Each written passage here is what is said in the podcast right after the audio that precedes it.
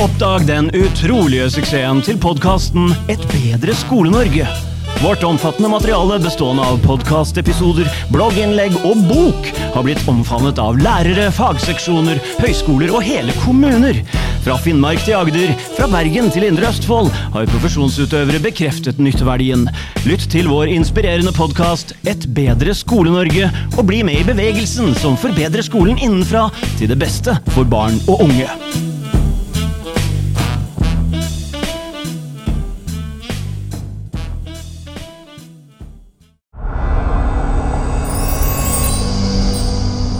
Bedre Skole-Norge. Skole-Norge. Velkommen til Et bedre Skole-Norge. I dag har vi med Terje Ogden, som er doktor Filos, og som har vært med her før. Jeg har gleda meg veldig mye til denne episoden, her, og han skal også være med på Bedre læringskonferansen som kommer seinere. I denne episoden her så skal vi snakke litt om disse elevene som har litt utfordrende atferd. For det ser vi er et stort problem bl.a. i Sarpsborg og Fredrikstad-skolen.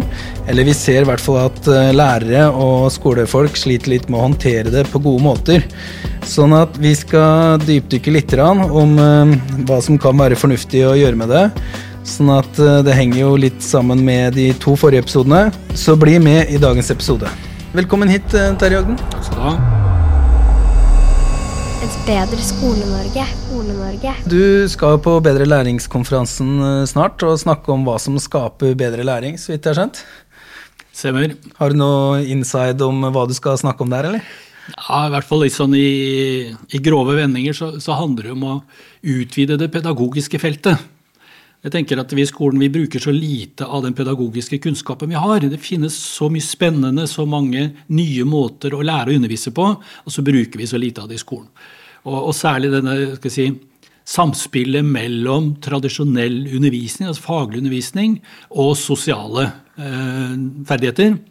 Som, eh, som, skaper et helt nytt si, pedagogisk univers og, og, mange muligheter. Og det, det, har jeg tenkt å snakke litt om, og delvis å gå litt dypere inn på si, nyvinningene på data og på, på, det digitale, og delvis på hvordan vi kan eh, kjøre det sammen med forståelsen av den pedagogiske situasjonen. Da. Så her er det mye kunnskap som ikke er utnytta i skolen, og som vi gjerne må oppmuntre litt. Veldig spennende, og vi skal også ha en eh, sofasamtale med bl.a. Eh, Katrine Løken, mener jeg heter, sånn at det gleder jeg meg masse til ryddig av meg å si at jeg får et par tusen av Kobro for å stille opp, så slipper jeg å fylle ut eh, reiseregninger. Men uh, uansett, jeg ser veldig fram til den konferansen som er 12. og 13. februar.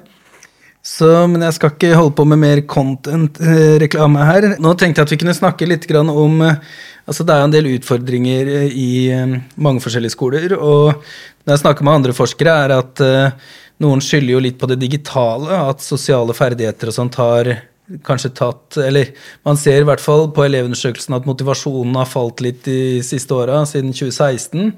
Og så ser man vel kanskje også at pandemien Det her har jeg bare hørt fra lærere, så jeg har ikke sett direkte tall på det. Men at pandemien også har ført til at noen ikke har de samme sosiale ferdighetene som tidligere. Det er helt sikkert andre årsaker også. Kanskje befolkningen har blitt mer sammensatt av ulike kulturer, og at man har litt ulike normer i ulike kulturer. Det er verdt å i hvert fall tenke tanken. Men jeg har kikka litt i boka di som heter 'Sosial kompetanse og problematferd blant eh, barn og unge', som eh, kom ut i fjor. og Det er da andre utgaven. Og der står det utrolig mye nyttig. Eh, blant annet så er det en figur på side 168 for interesserte lyttere. Og der snakker du litt om vanlige elever, risikoelever og problemelever. Ja. ja. Det tror jeg en del vil være interessert i, særlig det her med problemelever. Mm. Det er en liten gruppe som eh, vekker mye oppmerksomhet, og jeg skal vel også si forargelse, både i og utenfor skolen. Så den gruppa interesserer meg. Og den har kommet veldig mye i søkelyset fordi at de er utagerende på ulike måter. Mer eller mindre dramatisk. Og det er litt farlig når vi kommer inn på skole, for eh, for meg er det like viktig at når de kommer på skolen, så er de utagerende. Ja, de lager mye bråk og rot og kan være voldelige. Men de er også lavtpresterende, og så er de ikke motivert for tradisjonelt skolearbeid. Så det er liksom minus ikke bare på atferd, men også på måten de fungerer på som, som elever. Og det er så opptatt at det må vi ikke glemme. Så, så liksom at atferden overskygger alt annet. Og blir det liksom for sterkt fokus på det, ja, så tror jeg faktisk vi er med å forsterke problemene istedenfor å ta dem bort. Så, så utfordringa syns jeg med disse, disse ungdommene, hvis vi snakker om det, det er jo på en måte å få dem til å fungere i en skolekontekst. Og det, det blir ofte satt litt til side pga. alle de andre tinga de skal gjøre med dem liksom for å få dem, til, få dem, bort fra kriminalitet og slutte med rus og sånne ting. Og det er vel og bra, men vi må huske på at skole skal være skole også for disse, disse elevene. Og de skiller seg selvsagt mye fra andre elever òg. De fungerer dårlig sosialt. De bøller for mye, de sjefer for mye. De låser seg fast liksom i Vi gjør det på den måten, liksom, og det er stort sett ofte aggressive løsninger. Så vi må liksom få røska dem litt løs og så si se deg litt om, tenk deg om før du handler. Og så kan vi se om vi kan kanskje skape en, en bedre skolesituasjon. Men jeg vil nå si for min del at uh, grunnen til at det har blitt så trøblete, og de tallene du nevner nå, det er jo for at skolen har sakka akterut. da. Altså, Den har ikke tatt i bruk den kunnskapen vi har om dagens ungdom. det må jeg si. Her er det mye baktungt eh, som godt eh, trengs å røskes litt opp i, om skolen om jeg kan få lov til å si det. Det pedagogiske feltet er mye mer mangfoldig og inspirerende enn det vi egentlig har tatt eh, i bruk i skolen, syns jeg. Jeg vil bare dvele litt ved det før vi fortsetter. Og I boka sier det noe sånt som at eh, disse elevene også ofte får litt status, fordi ungdommer klarer ikke helt å skille mellom altså Hvis de er redde for noen andre, eller noe sånt, så får de på en måte respekt eller status fordi ingen tør å irettesette de, eller Det er noe i den duren der du skriver at uh, aggressiv atferd versus uh, sunn, selvhevdende atferd fort kan uh, blandes blant disse elevene, og også de som er rundt, sånn at de kan på en måte både være aggressive og umedgjørlige, men også bli populære, eller få høy status. Det er veldig typisk for ungdom. De, de ser litt opp til tøffingene, som, som tør snakke lærerne midt imot som eh, stikker av når det passer dem, eller gjør sånne ting som, som andre si, ikke tør eller ikke vil. Så, så, det er en sånn merkelig blanding på, på mange av disse problemelevene. At eh, de både er eh, frykta og respektert. Og så Noen får en sånn negativ sjeferolle og, og, trives faktisk med det. og Det er som de bruker prinsippet om at det er bedre å få negativ oppmerksomhet enn ingen oppmerksomhet i det hele tatt. Mm. Det du sier med at skolen har sakka akterut og ikke gjort det de burde, egentlig, det må vi komme tilbake til. Men jeg vil bare si at de fleste elever er jo vanlige, sånn at 80-90% elever de trives godt i et vanlig oppsett med litt tilpassa opplæring, tydelig klasseledelse, klare mål og faglige tilbakemeldinger. Der vil jeg si at eh, god klasseledelse, positiv atferdsstøtte og forebyggende sosial ferdighetsopplæring er det det er kanskje det mange driver med allerede. sånn at der tror jeg veldig mange mm, gjør gode ting, selv om det er et større potensial. Men så er det 5-10% av elevene som er litt sånn risikoelever. Og der er det sånn at man ofte tar litt økt faglig støtte. Det trengs individuell eller smågruppeundervisning. I hvert fall i noen perioder. Mm. Um, og så er det sånn at um, der tror jeg mange gjør mye bra. Uh, vil, du, vil, du, si noe mer om den gruppa elever? Nei, altså de, de, klarer seg hvis de får litt hjelp når de står fast. Liksom ikke, De har ikke meldt seg helt ut. Så, så, hvis de får eh, litt støtte og litt veiledning og litt oppmuntring, så, så kommer de seg gjennom kneikene. Så, så, det er veldig riktig å si at uh, vi, vi, må liksom ikke demonisere disse elevene, og i hvert fall ikke disse som, som, som sliter litt i mellomleddet. Og det er litt interessant, skjønner du, for at i norsk skole har vi egentlig en totrinnsmodell. Enten er det vanlig undervisning med tilpasset opplæring, eller så er det spesialundervisning. Mm. Og så sier jeg nei, men det er et ledd midt imellom. Ja. Og det er der skolene har så mange muligheter til å putte inn andre ting mm. altså som, som, skolen kan styre med sjøl, mm. og som kunne hjelpe mange av, av disse elevene. Mm. Så, så de, de, er absolutt innafor det vi kan tilby. Mm. Men jeg tror også skal si at grunnen til at så mange av dem liker lærerne sine, for å si det, det er rett og slett at lærerne har det vi kaller for relasjonskompetanse. Mm. Det vil si det er omgjengelige, de mm. er tilgjengelige, mm. Eh, og elevene kan snakke med dem. Ja. Og Det tror jeg er eh, litt generasjonsskifte i skolen i dag. At mange av de som utdanner seg lærere, har litt andre ambisjoner om å bli kjent med sine elever og bli litt fortrolige. For de ser at det, det hjelper også, da får de mer tillit i undervisninga. Mm. Det er veldig interessant det der. og Der finnes det jo mange løsninger. Jeg har vel hørt, eh, altså jeg snakka en gang med Kirsti Klette, professor på Universitetet i Oslo. Ja. Og hun sa også at f.eks. i Finland så, så, er det sånn at de tar litt sånn intensive programmer. Nesten alle elever har det i et eller annet fag, sa hun. Vi har testa det litt på skolen vår. vi har prosjektuker, og hvis noen ligger veldig bak i f.eks. matematikk nå etter pandemien, så kjører vi litt intensivt opplegg. Og det er vel mange som sier det, i hvert fall i leseopplæring, at hvis de ikke har lært det grunnleggende, så er det intensivt som gjelder. da. Ikke én time i uka, men eh, litt sånn mange timer over en kort periode, mm. sånn jeg har skjønt det. Ja. Men eh, nå må vi inn på de her eh, som du sier at skolen ikke har ivaretatt godt nok, og det er du sier faktisk problemelever i boka di, og det var jeg nesten overraska over. fordi ja. i pedagogikken er jeg vant til at det er sånn svært utfordrende atferd, eller man kaller ikke elevene for eh, Man setter liksom ikke merkelapper, men, eh, men det, det, har du gjort uh, her, da. Ja, når du kommer til skolen, så får du høre en del begreper som er, er langt grovere enn det der. Og jeg har liksom den holdningen at problemer er til for å løses. Mm. Det er liksom ikke noe, noe fastlåst, men jeg syns det, det, er viktig at vi heller ikke skyver under teppet. Altså, noen ganger er jeg bekymra over rektorer som liksom er så redde for at skolen deres skal stå fram i et dårlig lys og så underslår de de utfordringene de har, og så blir det mye rabalder. Så jeg, jeg, jeg tror veldig på åpenhet, og si at eh, vi gjør mye bra, vi får til mye, og så er det noen ting som vi sliter med. Og jeg tror Når den åpenheten er der, så tror jeg både lærere og elever kan, kan bidra til å, å løse problemene, istedenfor å si at nei, det dekker det til, da. Det er derfor jeg bruker eh, det begrepet, og ikke, ikke si, mer alvorlige begreper, da. Mm. De eh, sier du at eh, skolen ikke klarer helt å få til, fordi det er ofte kanskje ekstra ting som skolen tenker er viktigere, eller rus, eller at de, de henger seg opp i andre ting. Men, men, hva er det som altså I Fredrikstad og Sarpsborg nå så virker det som at uh, både lærere og Utdanningsforbundet og alt mulig etterlyser tiltak fra høyere opp skal ikke bli bedrevitende og sånn, men uh, man tenker jo kanskje at mye kan løses i skolen òg, men det virker som de mangler enten myndighet eller makt eller verktøy. Mm. Har du noen praktiske løsninger og, og, sånt, eller? Nei, men min erfaring er jo at uh, skolen må komme litt ut av den uh, jeg vet ikke, forsiktigheten eller tilbakeholdenheten og snakke og samarbeide med foreldre. Jeg sier de med de største problemene som jeg har mest erfaring med, da må vi inn i familien. Vi må begynne i familien.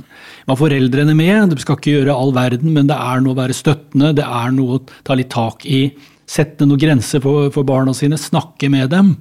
Og, og, jeg tror de med de største problemene som vi ser i skolen, der må vi ha foreldrene og familien på, på banen. Og der ser jeg at skolen ofte har litt nølende Eh, situasjon, føler seg det som den svake part, at alt foreldrene alltid må få rett. Det er veldig vanskelig å side dem imot, og, og, og noen kommer jo både med advokat og, og lære, lærerforbund på slep. Og, det tenker jeg det er et, en utfordring. Eh, og her tror jeg at skolene skulle også samarbeide mer både med psykisk helse og barnevern eh, for å få foreldrene på, på banen. Så, så, der er en, en passivitet og når det først går ordentlig gærent, og det snakker om lovbrudd og rusmisbruk, da, da går det. Men kan vi, ikke, kan vi ikke starte før, tenker mm. jeg. Mm. Og få en bedre dialog mellom, mellom skole og hjem for de, for de, vanskeligste. For der må vi ha, ha tiltak på hjemmebane òg. Mm. Ja, for det, det, er ikke nok bare på skolen. Altså, jeg har hørt flere snakke om det. og det altså Hvis en uh, kontaktlærer en uh, på en ungdomsskole opplever at det er et par problemelever der, da er, det, da er det å sette i gang og snakke med hjemmet, tenker du, som er første eh, ting man kan gjøre? Nei, først vil jeg snakke med eleven. Ja. Eh, det er den, den, samtalen. En medarbeidersamtale, om du vil. Eller som politiet kaller en bekymringssamtale. Men det er å sette seg ned med eleven og, og prate litt sammen. Og prøve å, å skjønne hva, hva han er misfornøyd med, eller hva hun er misfornøyd med hva hun ikke får til, hva som frustrerer og sånne ting. Og prøve å se er det noe vi kan gjøre med situasjonen i skolen. Og så kommer det gjerne tråder fram i sånne samtaler som peker mot fritida, venner og familie. Og da vil det neste trinnet være å snakke med familien, gjerne sammen med eleven. Mm.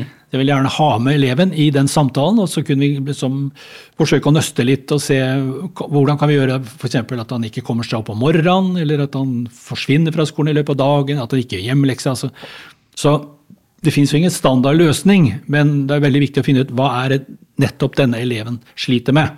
For Noen ganger putter vi dem i en boks. Liksom, de er umulige og vanskelig og vil ingenting. Men det er, det er, mye mer nyansert enn som så. Og hvis vi er oppriktig opptatt av hva er det du sliter med, hva er det som frustrerer, hva du ikke får til, så er vi i gang. Og elevene sier også det, at eh, når, når de er fornøyde, så er det fordi at de føler seg forstått. Eller den læreren ser meg, sier de. Og det, det, er veldig viktig for dem altså at, eh, at ikke det blir for formelt. altså Bruk av anmerkninger og sånt nå er veldig, eh, veldig avstandsskapende. Så det er mer det jeg kaller den personlige bryninga. Altså, du og jeg, du, kan ikke du slutte med det der, da? Altså, det, jeg jeg syns det, det er ikke noe ålreit. Å liksom gjøre det til en sak mellom deg og meg, det vi har i klasserommet eller, eller på skolen. Og så får vi se hvordan vi kan nøste videre da på, på vennekontakter og familie. Mm.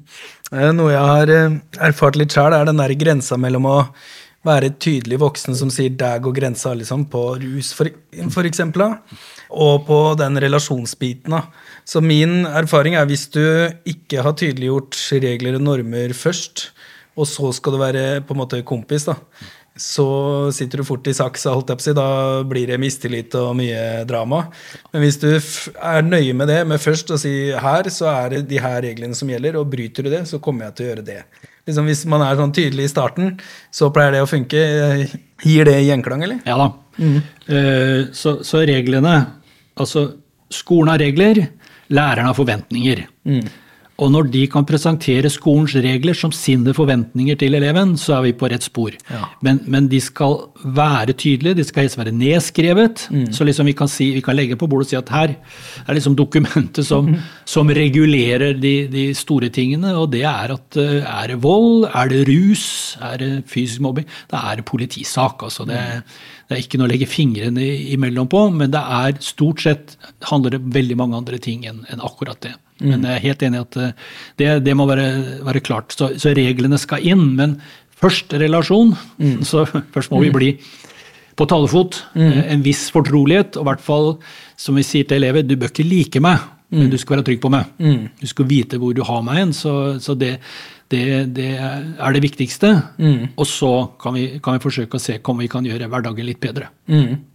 Det er jo et sånt vekselspill mellom det her med normer og det at undervisninga kanskje rett og slett er for dårlig. sånn at eh, det er jo det man ofte er litt vanskelig å vite akkurat hvordan man skal balansere det. Men en klasse jeg vet om som, eh, hvor det var litt trøbbel etter i matteundervisninga, det var noen gutter som alltid rotta seg sammen og begynte å bråke og tulle og sånn. og så så, så blei læreren sint, og det var ikke noe særlig bra opplevelse for noen. Og så etterpå så, så vet jeg at de innførte en slags konsekvenstrapp. At enten så jobba man og gjorde det man skulle, og hvis man ikke gjorde det, så kunne man være sånn passiv, men eh, ikke forstyrre, da.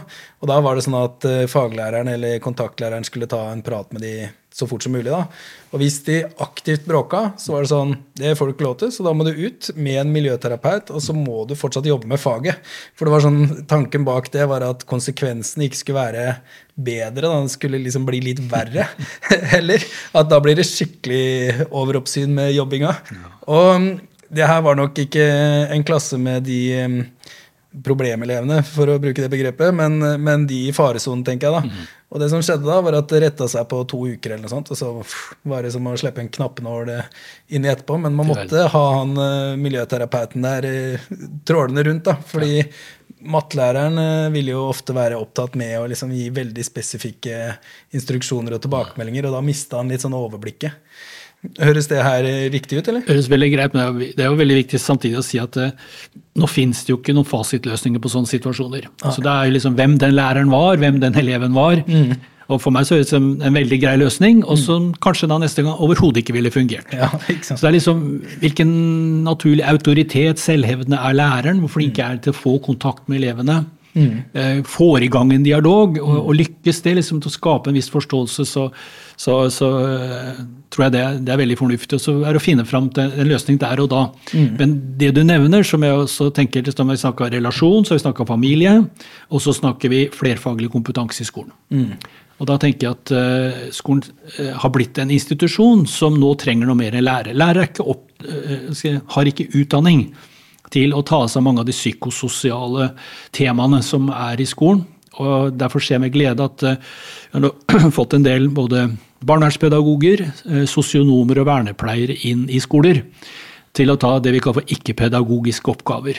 Altså være med i ansvarsgrupper, snakke med elevene, med foreldrene, veilede lærere. Og det tror jeg det er veldig viktig at noen som da ikke er bundet av timeplan, og heller ikke har så mye faglig ansvar, at de har en, en viktig rolle og funksjon i skolen. Så det, det, ser jeg med glede på. Der er det jo veldig forskjellig. Noen skoler vil helst ikke ha noe annet enn lærere inn.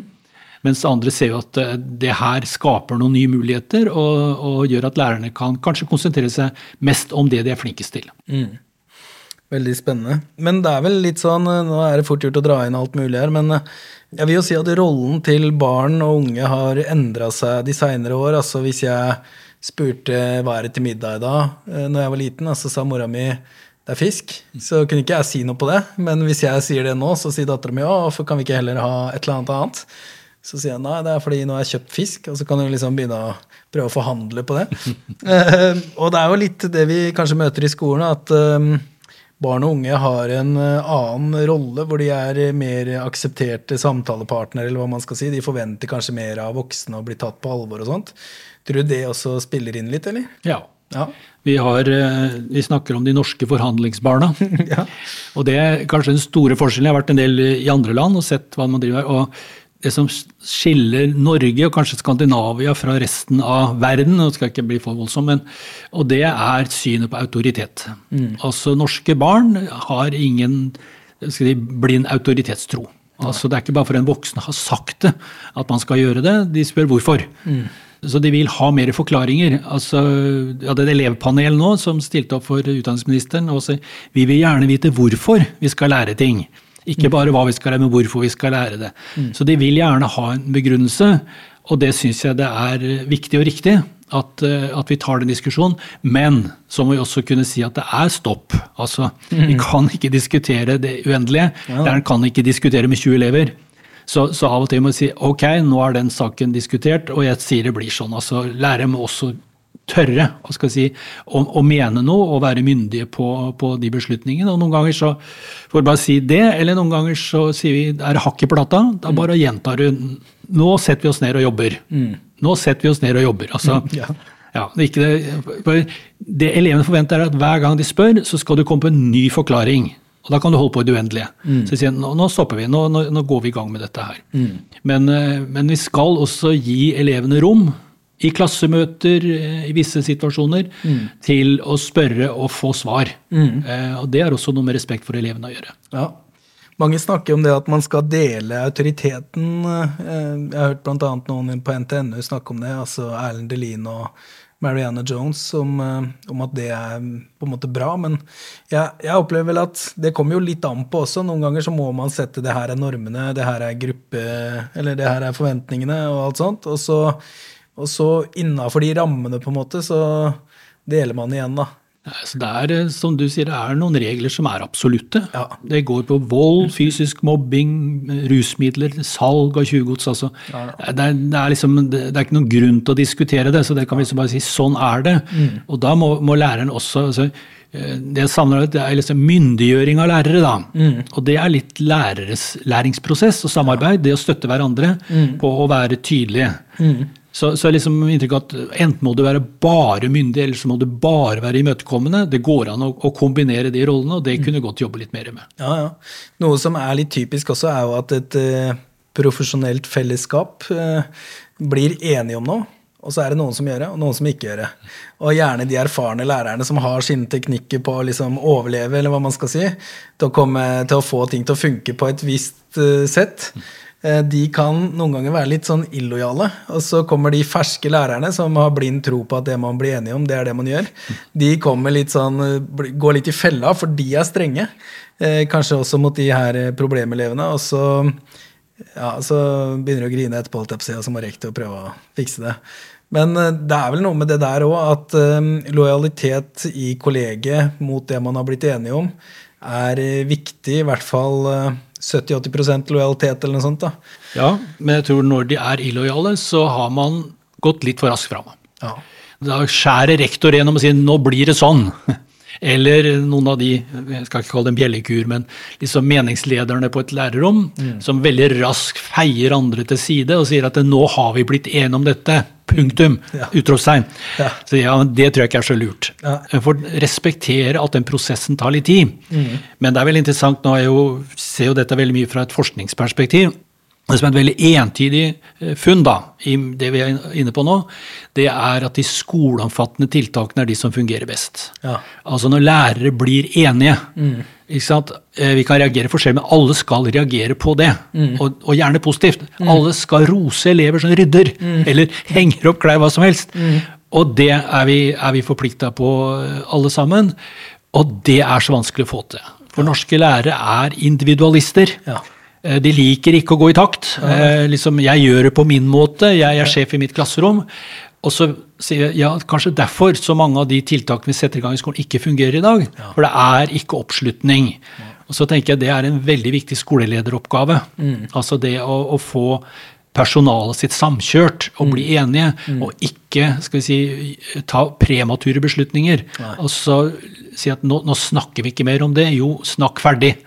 Altså Å snakke om skolens kanskje fire-fem viktige grunnleggende, regler, regler, det er en viktig oppgave å, å ta seg tid til. Og jeg hadde gleden da å jobbe med veldig mange bergensskoler en gang for å lage en eh, sånn handlingsplan for arbeid med atferd. Og da diskuterte jeg regler i et år. Det var kanskje lengste laget, men det, det var veldig mange diskusjoner som måtte tas. For de har så ulikt syn på hva skal man forvente av ungdom i dag, eh, hva skal reglene være, hvordan skal de håndheves, må vi reagere alle likt, eller er det nok at vi skal ha de samme målene? Altså. Det er sånne diskusjoner, og det er, det er viktige samtaler å ta. Og Derfor så tenker jeg at de vil kanskje pushe litt for mye innimellom.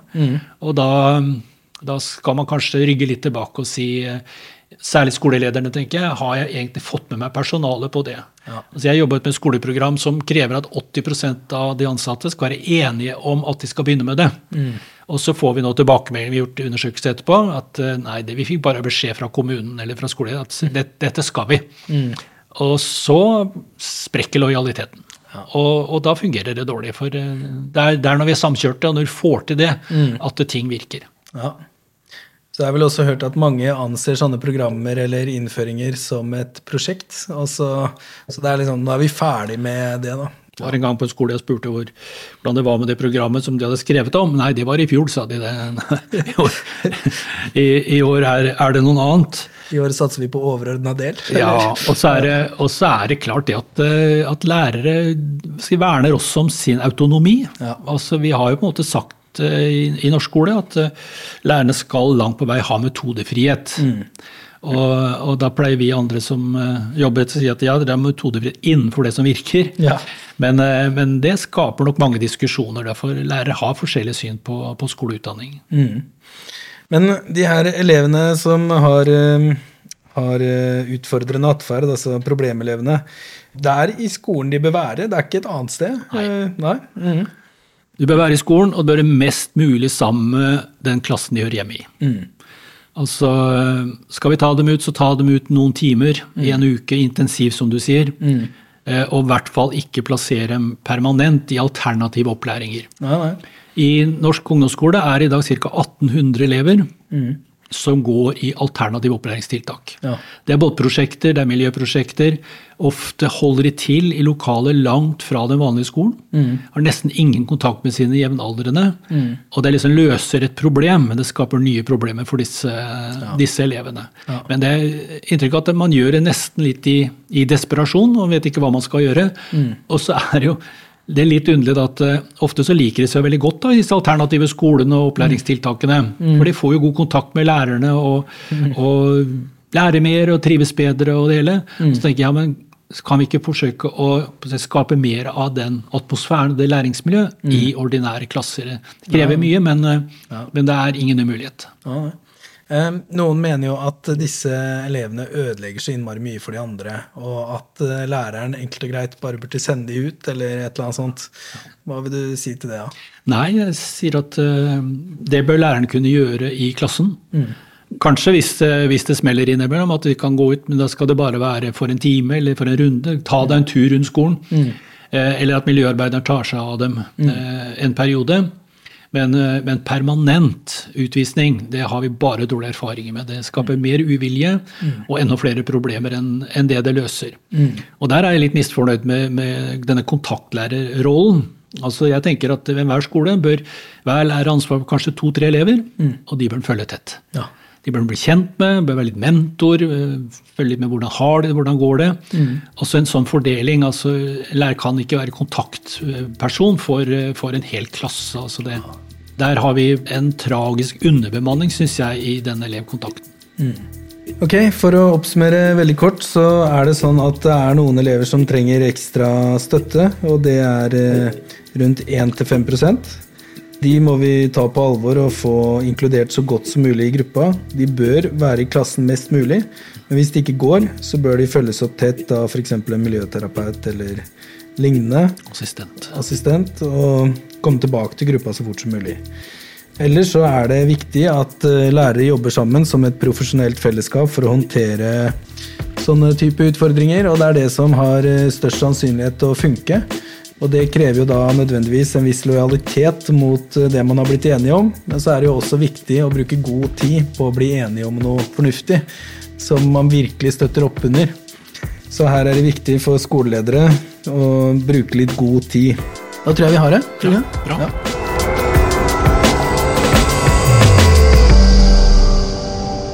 Et bedre Skole-Norge. Skole-Norge.